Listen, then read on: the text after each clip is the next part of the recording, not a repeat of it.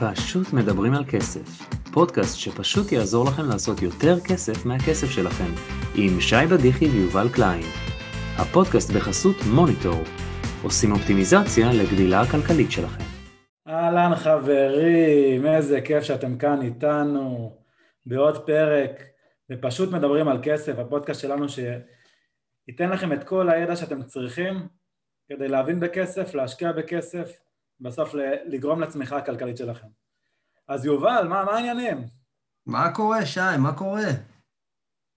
מצוין, אתה יודע איזה פרק אנחנו? אה, פרק שחיכיתי לו. פרק מספר 10, חמסה חמסה, טפו, איך שאומרים את זה.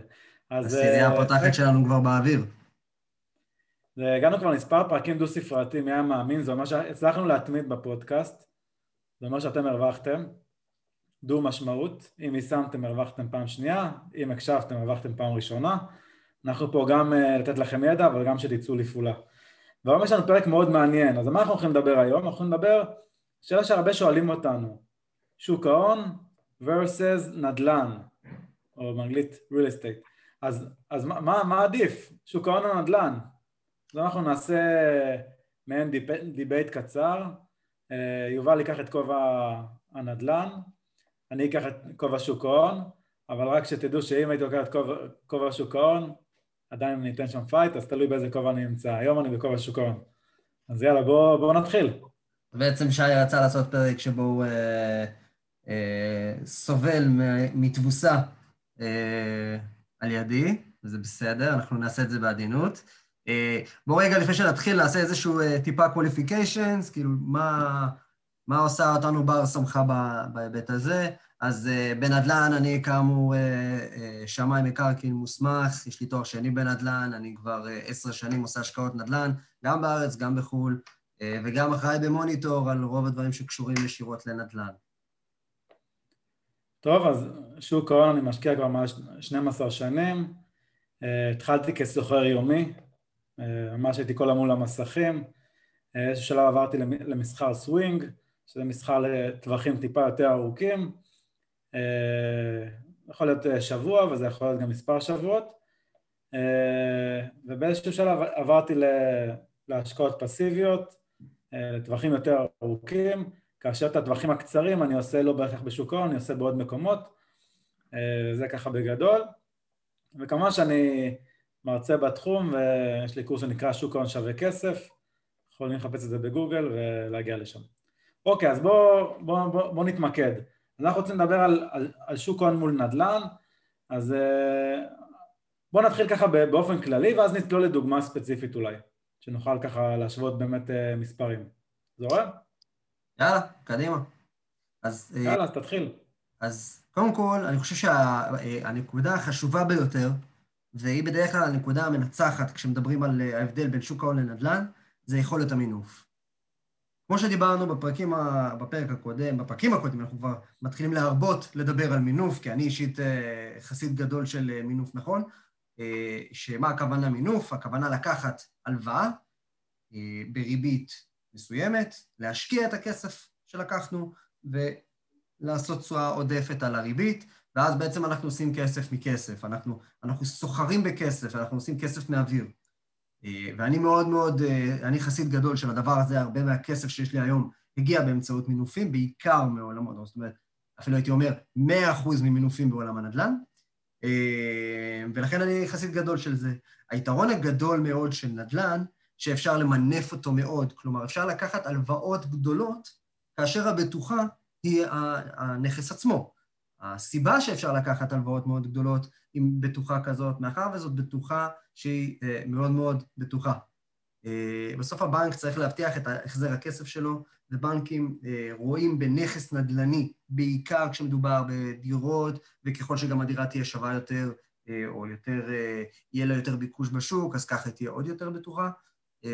ולכן כנגד נכס נדל"ן, הם יסכימו לתת לנו הלוואה יותר גבוהה בתנאים יותר טובים, כי בעצם זה משקף את הסיכון, הסיכון שלהם הוא מאוד נמוך.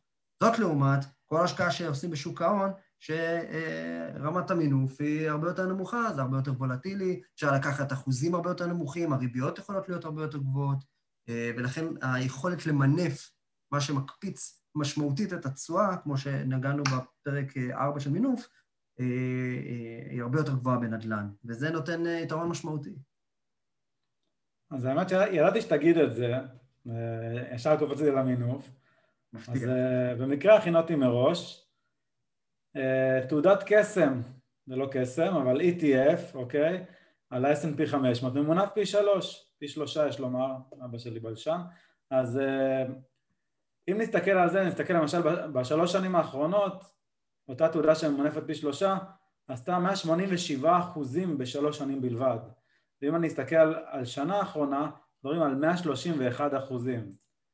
אוקיי, ואפילו על חצי שנה האחרונה אנחנו מדברים על כמעט 50 אחוזים, שזה מינוף בלי, בלי להבין כלום בזה. כלומר, כמובן שכל דבר שאנחנו אומרים זה לא המלצה, זה רק אה, פה סוג של אה, ויכוח מלמד.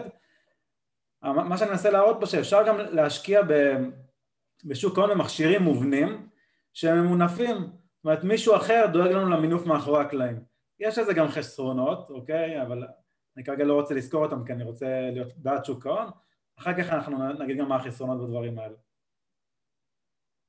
למרות שאני כן חושב שכשאתה מדבר על אה, מינוף אה, לפורטפוליו האישי שלי, להשקיע בנכסים ממונפים ולמנף כדי להשקיע בעוד נכסים, זה, זה לא בהכרח אותו דבר, אבל אני מסכים שתשואה זה תשואה ותשואה ממנפת זה תשואה ממונפת. אה, אגב, משהו שאתה, אתה יודע מה, אני אפילו לא אגיד את זה, כי בעצם גם אתה תענה לי שאתה יכול לקחת הלוואה לכל מטרה, להשקיע את זה בשוק ההון, והנה, יש לך מינוף שיכול להגיע גם ל-100% בשוק ההון. אה, אבל האמת שאני אני, אני, אני כן אגיד שאני באופן אישי לא אעשה דבר כזה, אבל אנחנו כרגע ב debate, אז אחר כך נגיד אה, דברים. רגע, זה מעניין. היית עושה את זה בנדל"ן? היית משקיע ב-100% מימון בנדל"ן? כן, אבל אנחנו ב debate כרגע, אז... אה, אוקיי, סבבה, רק רציתי לשים... I just wanted to put it out there. רציתי ש, ש, שזה יהיה. הדבר השני, שאני חושב שנדל"ן הרבה פעמים מנצח, אגב, גם בארץ וגם בחו"ל, זה הנושא של הטבות המס. למס, אה, להשקעות נדל"ן, ספציפית כשמדברים על רכישה של דירה, בדרך כלל יש הטבות מס, בדרך, כמובן שזה בדרך כלל הדירה הראשונה או היחידה. זאת אומרת, בישראל יש הטבה שעד אה, סדר גודל מיליון שבע מאות אתה לא משלם מס רכישה, עד ארבע וחצי מיליון אתה לא משלם מס שבח, ועד חמשת אלפים מאה שקל בחודש אתה לא משלם מס הכנסה. זאת אומרת, אם אתה קנית דירה שהיא עד מיליון שבע מאות, מושכרת בעד חמשת אלפים שקלים, ומוכר אותה גם בשלוש מיליון, לא שילמת מס אפילו פעם אחת. ומדובר בהרבה מאוד כסף. אה, אגב, באנגליה המיסוי הוא די דומה, כמובן עם טווחים שונים, אבל העקרונות, הם אותם עקרונות.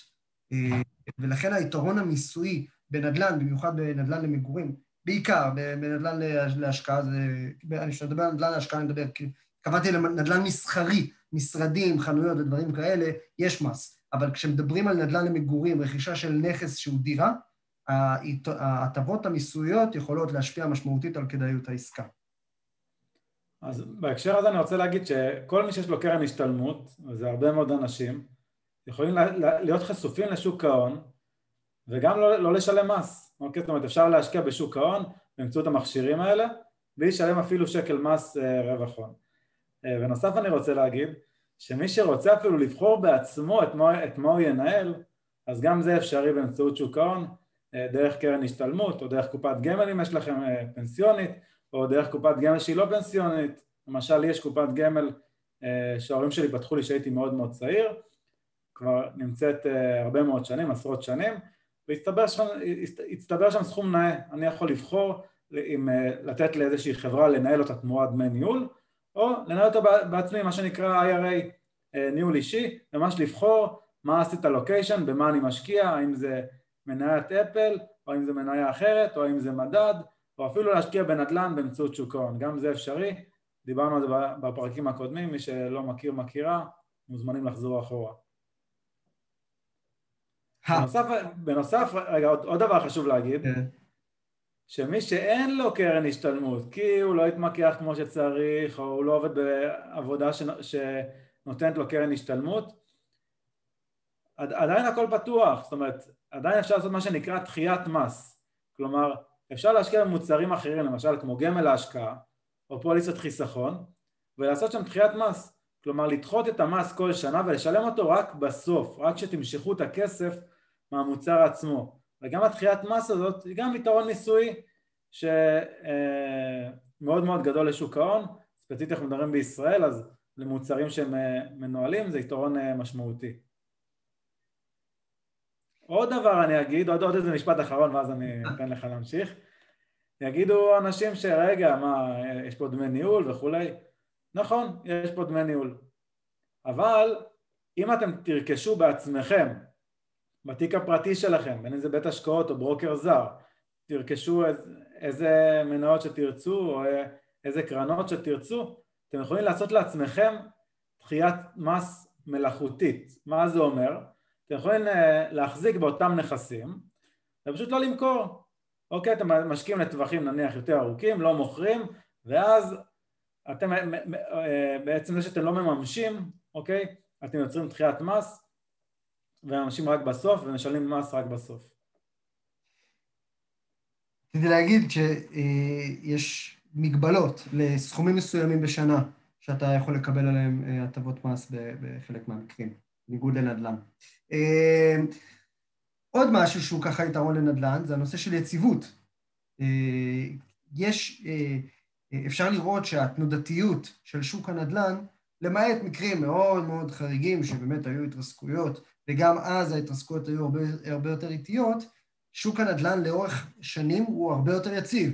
יש עליות, יש ירידות, אבל העליות והירידות הן לא ברמה היומית, הם לא יכולים להיות ברמה היומית, הם לא ברמה שבועית גם, הם הרבה יותר איטיים, מה שמייצר יציבות, גם, גם התנודתיות עצמה היא הרבה יותר, השונות היא הרבה יותר נמוכה, זאת אומרת העלייה היא יותר נמוכה והעלייה היא יותר נמוכה, התנודתיות מאפשרת לנו לתכנן יותר קדימה ולהיות יותר מחושבים. מאשר שוק ההון שהוא יכול לרדת גם ביום אחד או בשבוע ב-30-40 אחוז. אה, אחלה, האמת שזה מזכיר לי אה, איזשהו מחקר שראיתי ממש לא מזמן שנעשה על הקורונה עם התנודתיות הכי גדולה שיש עשרות אה, אחוזים שירדו בחודש אחד, בחודש מרץ 2020 אנחנו מקליטים את הפרק הזה ביוני 2021, סתם לסבר את האוזן אז אני ממש רוצה להסתכל רגע על הנתונים, כי זה די מעניין ודי גם מסכם את הדברים. אפשר לראות שמי שהשקיע, אוקיי, פה מדובר על 15 אה, שנה האחרונות, עד, עד, עד סוף 2020, אה, כולל הקורונה, כולל הכל, מי, שהש, מי שהשקיע באופן מלא, אוקיי, במקרה הזה ב-SNMP 500, במדד ה-500 מניות עם השווי שוק הגדול ביותר בארצות הברית, אה, השקיע לאורך, לאורך כל התקופה, עשה קרוב לעשרה אחוזים לשנה אוקיי? בצורה פסיבית לחלוטין, בלי להתעסק, כולל הקור... הירידות של הקורונה, אוקיי? במשך 15 שנה. אז זה ממש ממחקר אה, אה, לאחרונה, זאת אומרת, אותם עשרת אלפים דולר שמישהו היה משקיע, הוא היה עושה פי ארבעה לכסף שלו, אנחנו מדברים על 41 אה, אלף דולר, אוקיי? מי שהשקיע עשרת אלפים דולר. מחקר מאוד מעניין שהוא חוזר על עצמו שוב ושוב, הוא נעשה בשנים שונות, והתוצאות כל הזמן מאוד מאוד דומות. אז זה מחקר שנעשה מסוף אה, אה, מאי, סוף מאי 2005. אה, אם אנחנו מדברים על, אגב, על עליות המחירים, כן חשוב להגיד שגם שוק ההון וגם שוק הנדל"ן לאורך השנים עולים. כן, אגב, ההבדל בין שוק ההון לנדל"ן הוא הבדל שרוב האנשים היו מכריזים עליו כזניח. אה, לאורך השנים. אה, בשווקים מסוימים בעולם הנדל"ן עלה יותר משוק ההון, בשווקים מסוימים פחות. אה, אני יכול להגיד שברוב המקומות בעולם מאז הנפילה של 2008, כלומר 2008 וצפונה, המחירים עלו לפחות פי שתיים או שלושה מהמחיר המקורי, שזה בטווח יחסית קצר, מבחינת הזמנים. אני אישית כאמור, יש לי אה, גם עסקאות נדל"ן משל עצמי. אחת העסקאות, אה, עשיתי שם, אה, ואני מתעלם, כמובן מתעלם ממס, כי לא היה לי מס במקרה הזה, אז 46 או 7 אחוזים שנתי, שזה מאוד נדיר, זה לא יכול לקרות עוד פעם, זה מינוף מאוד גבוה, זה עסקה מאוד מוצלחת, הכל בסדר, אבל זה אפשרי. זה היה בדיוק של שש שנים בערך. עוד משהו שאני רוצה לתת ככה לטובת הנדל"ן, זה שקל להבין אותו. אנחנו כולנו גרים בדירה, אני מקווה, לפחות כל מי שמאזין לפרק, לפרק שלנו. אה, אז אנחנו, או שאנחנו סוחרים, או שאנחנו משכירים, או שאנחנו בעלים של דירה, אבל אנחנו כולנו אה, מבינים איך העסק הזה עובד, מה זה אומר לגור בדירה, איך עובד חוזה שכירות, אנחנו מכירים את העולם הזה, זה פשוט לנו, אה, זה, זה מוחשי, זה הרבה יותר קל להבין. נכון, יש הרבה דברים שצריך לדעת באיך לעשות את זה נכון, אבל לעשות את זה, זה די ברור לנו, זה די קל. אה, לעומת זאת, למצוא עכשיו מניות ולקבל החלטה אם אני פותח IRA, או שאני משקיע באמזון או בטסלה, או באיזה מניה של בכלל בלוטק, אה, הרבה יותר אה, מורכב ומצריך הרבה יותר למידה, בטח אם עושים השקעות ערך שזה, שצריכים להיכנס לדוחות הכספיים של חברות וכולי. אז אצלי יותר פשוט. אז האמת, גרמת לי לבדוק, אמרת 2015, אז אם אני בודק 2015, נניח והיית משקיע בטסלה, אוקיי? רק בטסלה, כמו שהיית דירה, דירה ספציפית, אז אני בוחר מניה ספציפית, אוקיי? מעולה. מה שהיית עושה, אמרת 400 אחוזים, אז היית עושה פה אה, מעל אלף אחוזים, לא משנה מאיזה חודש אני אשחק עם זה, אוקיי? זאת אומרת, אם הייתי משקיע בלי, כמובן שאפשר להגיד, איך תדע שטסלה תהיה המניה הבאה, אז אני יכול להגיד אותו דבר, איך נדע שדווקא הדירה שלך תעלה, אבל די, די פשוט, אה, כמובן שצריך ביצים, צריך להבין, צריך עוד, עוד הרבה דברים, אבל די פשוט אה, אה, לקנות מניה, בלי סוחרים, בלי התעסקות, בלי, בלי לחשוב יותר מדי, אז זה מנה טסלה אם היינו קונים באותה תקופה של 2015. אבל אם אני, בגלל שאני לא רוצה פשוט אה, שיהיה פה תבוסה ממש אה, גדולה, גדולה של שוק ההון על הנדל"ן, אז אני אנסה להיות טיפה יותר אה, אמיתי, ולכן הכנתי מבעוד מועד משהו שהוא בעיניי יותר ריאלי. כי להגיד שהייתי בוחר, שם את כל הכסף שיובל שם בנדל"ן, שזה סכום גדול, על מנת טסלה ספציפית, כנראה שזה לא משהו שריאלי, זה אולי מישהו עם ביצים של שור, שעושה את זה, רוב האנשים לא יעשו את זה, ומי שיעשה את זה יכול להיות שאו שהוא יעלה למעלה או שהוא יתרסק למטה, אוקיי? אה, וגם צריך, צריך להישאר הרבה מאוד שנים, כי לקח זמן עד שהיא טסה למעלה, אוקיי? וגם צריך לדעת מתי למכור, זה גם אה, נקודה חשובה. אוקיי, אבל בואו בוא נבדוק משהו דווקא אחר.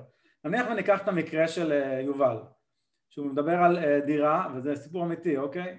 סיפור שאנחנו מכירים, דירה שנקנתה במחיר בערך של 700 אלף שקלים, היום היא שווה באזור המיליון 200 שקלים, אה, ההון העצמי שלה באותה תקופה היה 350 אלף שקלים ומשכנתה 350 לא נעלה אתכם במספרים כי קשה קצת בפודקאסט להקשיב ולעשות את החישובים אבל בואו נדבר על השורה התחתונה. בשורה התחתונה נניח, אוקיי, אה, ואין אין, אין לנו אה, מס רכישה, נניח זו דירה יחידה, אוקיי, ואין מס רכישה אז יובל, כמה התשואה מצרפית אנחנו, אנחנו רואים בעסקה כזאת מ-2015? אנחנו מדברים על שש שנים אחרונות? קרוב ל-300 אחוז. קרוב ל-300 אחוז, אוקיי? אה, כשאנחנו מדברים על, אה, נחלק את זה לשש שנים, אז אנחנו מדברים על תשואה לשנה של כמה בערך? 50, קרוב ל-50 אחוזים. קרוב ל-50 אחוזים לשנה על דירה יחידה בישראל. על ההון העצמי יש לומר, חשוב להגיד, על ההון העצמי. על, נכון, cash on cash, על ההון העצמי, חשוב לציין את זה, זו נקודה מאוד חשובה, טוב שאמרת, אמ, אבל ככה מחשבים בעצם תשואה בצורה נכונה בנדל"ן. עכשיו... גם בשוק ההון. בעצם, בעצם מה שקרה, המינוף פה עזר לנו מאוד אה, לגדול, אוקיי? ועליית הערך, בכלל לא התחשבנו כבר אפילו בשכירויות, אנחנו בהנחה שהשכירות גבוהה יותר מהמשכנתה, ולא התחשבנו גם כרגע ועוד כמה הוצאות נוספות בקנייה ומכירה, כי זה יחסית שולי לעליית הערך המשמעותית פה. עכשיו בואו ניקח מקרה שהיה פה מס רכישה, אוקיי? אז היה פה מס רכישה, כמובן שהוא נעשה בזמן הרכישה, עדיין במקרה הזה אנחנו מדברים פה על, על, אה, על תשואה מצרפית של אה, באזור ה-230 אחוזים לאורך כל התקופה וזה בערך 38 אחוזים לשנה. עכשיו אני רציתי לבדוק מה קורה אם אני לוקח את אותה דירה ומשווה אותה לשוק ההון שוק ההון בצורה יחסית פסיבית, בוא נלך על המדדים הגדולים.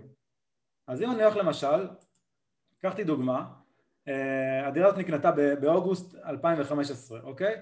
לקחתי את התשואה מאוגוסט 2015 של מדד המניות, ה-S&P 500, שהוא המדד בדרך כלל שעושים, הוא האינדקס שאנחנו עושים אליו השוואה כאשר אנחנו עושים השוואה בשוק ההון וראיתי מה קורה אם היינו משקיעים עד עכשיו, עד, עד מאי 2021 אנחנו מדברים על, על, אה, על תשואה כוללת של 103 אחוזים, אוקיי? זה כאשר אנחנו מתעלמים מהדיבידנדים, כלומר מהשכירויות שחוזרות ואנחנו נשקיע אותם חזרה בשוק, בשוק ההון. אבל גם בדוגמה עם יובל התעלמנו מה, מה, מהשכירויות, אה, אז, אז גם כאן אני עושה את זה, למרות שאם אנחנו לוקחים עדיין את השכירויות, הדיבידנדים, משקיעים אותם חזרה בשוק ההון, עדיין אנחנו מגיעים סך הכל, שזה יפה מאוד, כן? לכמעט 130 אחוזים, 126 אחוזים אה, שמדד ה-S&P 500 עשה באותה תקופה, שזה עדיין אה, בערך פחות מחצי, או בערך חצי, פחות, ממה שהדירה, ששוב, דוגמה מאוד ספציפית, אבל שיובל הראה לנו פה. אז ראינו פה מקרה שאם אני קונה את מניית טסלה, אני מה שנקרא שם את הדירה של יובל בכיס הקטן בלי התעסקות בכלל, אוקיי? אבל אם אני באמת משקיע בשוק, השוק עשה פחות מאותה, מאותה דירה. כלומר, כן היה שווה להשקיע בידע ואולי התעסקות טיפה כדי להגיע לתשואות האלה בנדל"ן.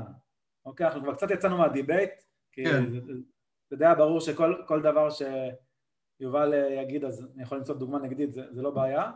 אז אה, אה, אפשר תמיד למצוא דוגמה נגדית, לא, לא משנה באיזה כובע אנחנו רוצים להיות נדל"ן או שוק ההון, זה, די, זה די פשוט.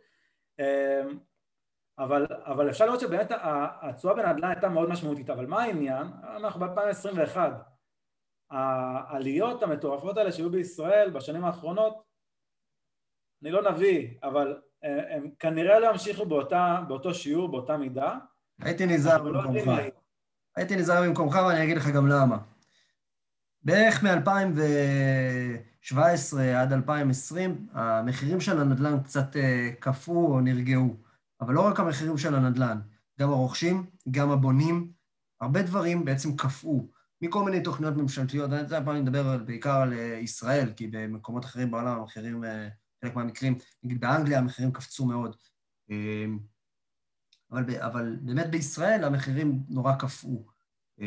17 עד 20, וב-21 דווקא פתאום משתחרר פה איזה, איזה פתח, פתאום לא בנינו מספיק דירות, אבל uh, הביקוש שהיה כל הזמן כלוא השתחרר בעיקר בגלל uh, הטבות מס שניתנו, uh, שביטלו את החוק על מס, מס של 8% לדירה נוספת, על, על דירות להשקעה.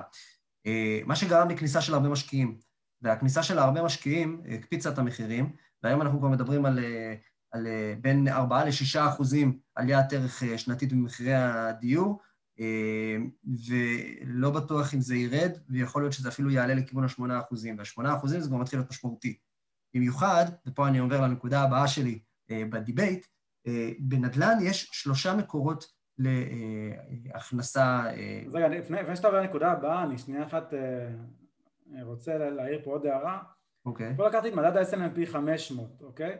אבל אם אני אלך למי שהוביל בעשור האחרון אה, במדדים, אה, הקטר, מה שנקרא, שזה הטכנולוגיה, שזה מדד הנסדק, לקחתי את אותה דוגמה. ובאותה דוגמה אפשר לראות שהגענו אה, מאותו אוגוסט 2015 עד היום ל-233 אחוזים, שזה 4 אחוזים יותר מאות, מאותה דירה שאם אנחנו קונים אותה עם, אה, עם מס רכישה. כלומר, תלוי, תלוי איפה אנחנו משקיעים, אבל העניין הוא שאנחנו לעולם לא נדע בדיוק מי יוביל את העשור הקרוב. אה, או לפחות לא נדע בצורה חד משמעית. וכאשר אנחנו כן, כן קונים דירה, יש לנו יותר יכולת שליטה להשפיע במידה מסוימת, אוקיי? לא על השוק, אבל על הדירה שלנו ספציפית. אז הנה, אני בדיוק נוגע בזה. אז בעצם אה, התשואה מדירה מתחלקת לשלושה חלקים. יש את התשואה של עליית הערך, שפה השליטה שלנו היא בעיקר איפה לקנות. כן? גם אם אני קונה בעיר מסוימת או ברחוב, או ברחוב מסוים אפילו, יש המון ערך לאיפה בתוך העיר או איפה בתוך הרחוב. זה יכול להיות הבדל של שמיים וארץ, אה, איפה אני קונה ספציפית את הדירה. הדבר השני זה אה, שכר דירה. כן? אני נהנה מתשואה משכר דירה, וככל שהדירה יותר שווה או לכל הפחות משווקת יותר טוב, אז אני אקבל יותר שכר דירה, וככל שהיא מנוהלת יותר טוב, אז גם יהיה לי פחות הוצאות והרווח שלי מהשכר דירה יהיה יותר גבוה. והחלק השלישי, מה, ש, אה, מה שיכול גם מאוד להשפיע, זה השבחה פנימית. זאת אומרת, אם אני קונה דירה ואני משפץ אותה בצורה נכונה, עם, אה, בפחות ממה שהיה, בפחות מהתוספת שבה אני אמכר, אני אמכור את הדירה, אז בעצם יש לי פה עוד דרך להעלות את התשואה שלי באמצעות השבחה פנימית. הרבה אנשים קוראים לזה flip, כן, עסקאות אקזיט, לקחת דירה, לשפץ, למכור, אה, זה לא חייב להיות בתהליך מיידי, אבל זה גם משהו שמשפיע על הערך. משהו שאי אפשר לעשות בשוק ההון.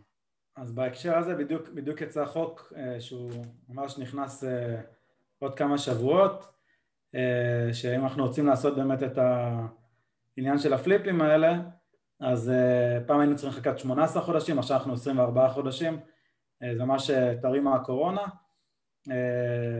הכוונה שאם אנחנו רוצים להחזיק בדירה אה, אה, יחידה לצורך העניין ולא לשלם מס שבח, אז קצת האריכו לנו את הזמן שלא נוכל לעשות פליפים יותר מהירים, זה עדיין כנראה לא יעצור את מי שחי מפליפים, אבל זה כן אה, יגרום לחלק מהאוכלוסייה אולי לחשוב פעמיים, כי הם רצו לעשות יותר עסקאות בטווחים קצרים. אוקיי, אז בואו נדבר קצת על יתרונות של שוק ההון, כי עד עכשיו דיברנו בעיקר על אה, אה, דוגמה וכנגד, אז. היתרון אני חושב הכי משמעותי של שוק ההון זה הנזילות. בניגוד לנדל"ן, אם מחר בוקר אני צריך את הכסף, אני לוחץ על כפתור. לוחץ על כפתור, הכסף נכנס. אם זה דרך איזשהו, אה, לא יודע, קופת גמל או משהו כזה, אז זה בדרך כלל שלושה ימי עסקים, אוקיי? אומרת, זה מאוד מאוד מאוד נזיל, אני יכול לקבל את הכסף במקרה חירום, אה, או בכל מקרה שפשוט בא לי את הכסף. זה משהו שאין לי אותו אה, בנדל"ן. אה, אגב, חשוב לציין שגם בנדל"ן במסווה יש אותו, כלומר לכל דירה יש מחיר.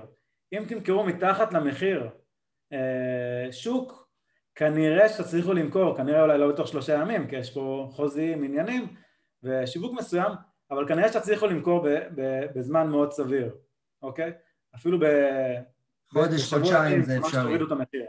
חודש, חודשיים זה לגמרי אפשרי לממש נכס אה, נדל"ן. כמובן, לא במחיר אה, האידיאלי, אבל זה אפשרי. לגמרי. אני יכול להגיד אפילו שאני נכס מימשתי ב... בשבועיים, אה, כולל משא ומתן וכולל במחיר טוב, אז הכל אפשרי.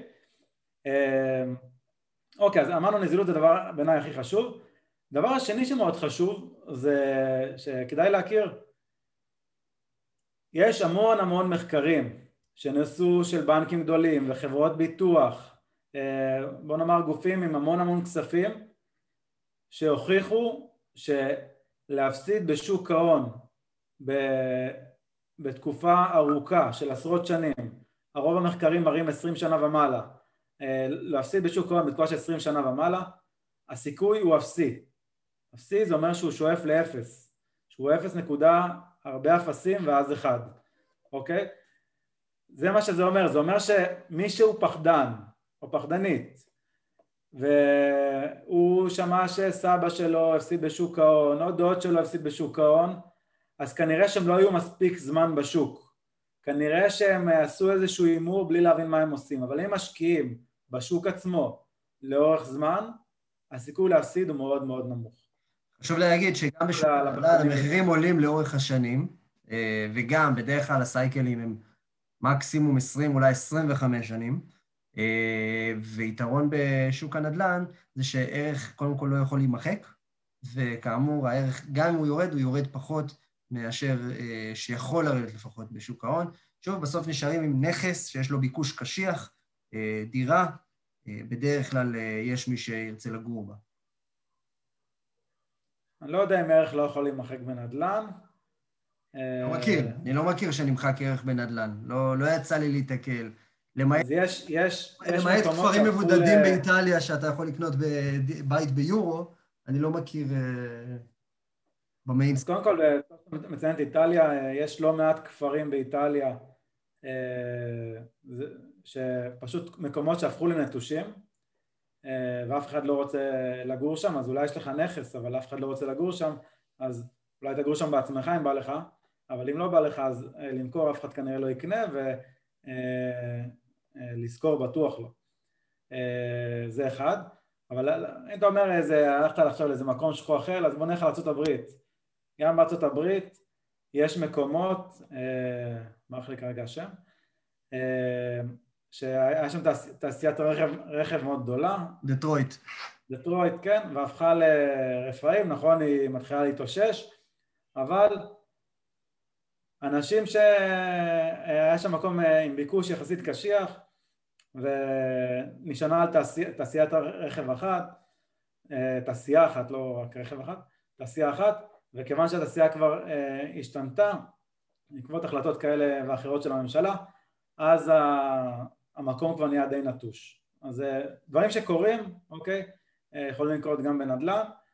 אה, זה נכון שזה פחות סביר, אבל אולי בישראל זה פחות סביר, אבל יש מקומות בעולם שלא מעט שנתקלתי, שיכולים גם להפוך לערי רפאים.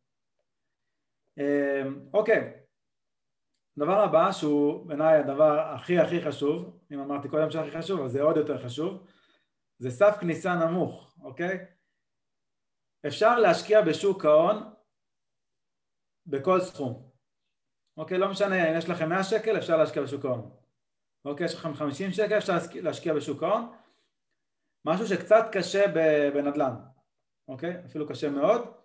אה, בצורה נכונה, הייתי אומר לזה, זאת אומרת, אפשר לקחת עכשיו אה, להיות אה, 100% ממונפים, סיכון מאוד גבוה, אה, לא להביא שקל מהבית, זה לא מתאים לכל אחד, זה לא נכון לכל אחד, אנחנו לא רוצים שאחרי הפודקאסט אתה עוזר לי. בדיבייט שלי, אתה עוזר לי, אתה עוזר לצד- לצד שלי ב debate, כל הכבוד. אני מדי פעם אה, עוזר לך, בכל זאת אנחנו חברים לפני שאנחנו debate, דיבייטורים, אז, אז אה, בוא נאמר שלרוב האנשים בעיניי לקנות אה, ב-100% מימון זה סיכון די גדול, שאני בעצמי כנראה לא הייתי לוקח אותו, אז אני לא חושב שהוא מתאים לרוב האנשים, במיוחד אם אה, אין להם אה, עוד אה, בטוחות וכספים בצד אה, נזילים, למשל כמו שוק ההון או מקומות אחרים.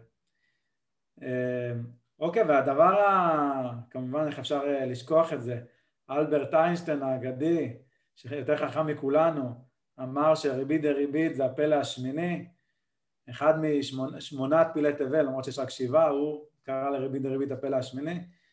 אז בשוק ההון זה מאוד מאוד ברור איך זה עובד, אנחנו משקיעים את הכסף, הכסף עושה תשואה, ואותה תשואה הזאת יכולה לעשות עוד, תשואה בשנה שלאחר מכן, ועוד תשואה בשנה שלאחר מכן, וכולי וכולי.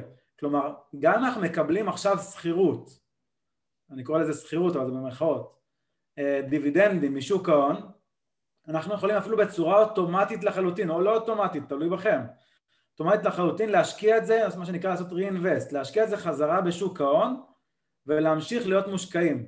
נכון, יהיה פה איזשהו אולי אה, אה, תשלום מס על הדיבידנד, דיברנו על זה באחד הפרקים, אבל אנחנו נוכל להשקיע מיד את הכסף ולא לתת לו לנוח בעו"ש, לא לתת לו לשכב ולא לעבוד. אני רק רוצה להגיד שלפני שלושה חודשים רכשתי אה, יחד עם עוד אה, שותף נכס ב, אה, בארצות הברית, שכל הכסף שהושקע שם זה כסף של שכר דירה שקיבלתי מנכס אחר. אז זה די דומה. השאלה כמה זמן לקח לך אה, לעשות אגרגציה לכל הכסף הזה? האם זה מ- מ- משכירות של חודש בודד או שלקח מספר חודשים? זה לא משנה, בסוף אתה מסתכל על, התשואה הכוללת. יש לזה... במספר החודשים האלה הכסף לא... עכשיו אל ההון תשכח- מעולה. עכשיו אל תשכח שבגלל יכולת המינוף המדהימה שיש בנדל"ן, אני יכול את הנכס החדש שעדיין לא לקחתי למינוף, למנף אותו ולקנות עוד נכס. לא חשבת על זה. כמובן שחשבתי, פשוט אני כרגע בכובע של שוק ההון. אוקיי, הלאה, כן. אז עוד, עוד דבר שלהשקיע בשוק ההון, האמת, מי שמשקיע ב, ממש בשוק במדדים, זה לא מדד טילים, אוקיי? זה משהו שכל אחד יכול ללמוד, תאמינו לי, בכמה שעות אפילו. צריך להתגבר פה קצת על העניין של להחליט שאתם עושים את זה בעצמכם, ו... אבל זה, זה ידע שהוא לא כל כך מורכב. לא צריך להיות מומחה גדול אם אתם רוצים להשקיע במדדים לטווחים ארוכים, והוכח גם שקשה לנצח את המדדים לאורך זמן. אמנם מי שמנצח, למשל מי שקנה את טסלה וכולי, או אמזון וכולי, כנראה שמנצח בגדול. אמ, ועוד דבר מאוד מאוד חשוב, שיש לנו היסטוריה ארוכת שנים, כלומר אנחנו יכולים לראות איך השוק התנהג, זאת אומרת זה, זה מדהים אותי כל פעם מחדש, יש משבר, השוק יורד, קרה איזה אירוע, היה איזה ציוץ בטוויטר, לא יודע מה, ואנשים עושים את אותן טעויות שוב ושוב ושוב ושוב, שזה מאוד פשוט להבין מה לא לעשות, כי אנחנו יודעים כבר מאה פעם מה קרה, אוקיי? אז מאוד קל ללמוד את זה, פעם אחת ולתמיד, אוקיי? ולא לחזור לטעויות האלה, ואז להרוויח לאורך זמן בשוק ההון. אה, אז בהקשר הזה, ואנחנו ככה גם אה, מתקרבים לסיום הפרק, אה, אני חושב שאחד הדברים שנורא משפיעים בהחלטה, בהשקעות בין שוק ההון לשוק הנדל"ן, זה הפסיכולוגיה שיש סביב נושא ההשקעה. אני חושב שבגלל התנודתיות הנמוכה שיש בנדל"ן, היכולת שלך למכור, אתה כן צריך לחכות קצת זמן, זה באמת לא נזיל, כמו שציינו. לעומת שוק ההון, שאתה ככה מהר מאוד יכול להיות עם היד על ההדק וטלק, איך שאתה רואה שה... שהעסק אה, מידרדר להוציא את הכסף אה, ולעשות על ידי כך הרבה טעויות, אני חושב שיש לזה המון משמעות אה. ביכולת שלך להרוויח לאורך זמן על השקעות, מה גם שבאופן כללי השקעות בשוק ההון זה משהו שפחות כנראה כדאי לעשות בטווח קצר, פליפים זה משהו שהוא פחות, הוא יותר מורכב כנראה לביצוע או.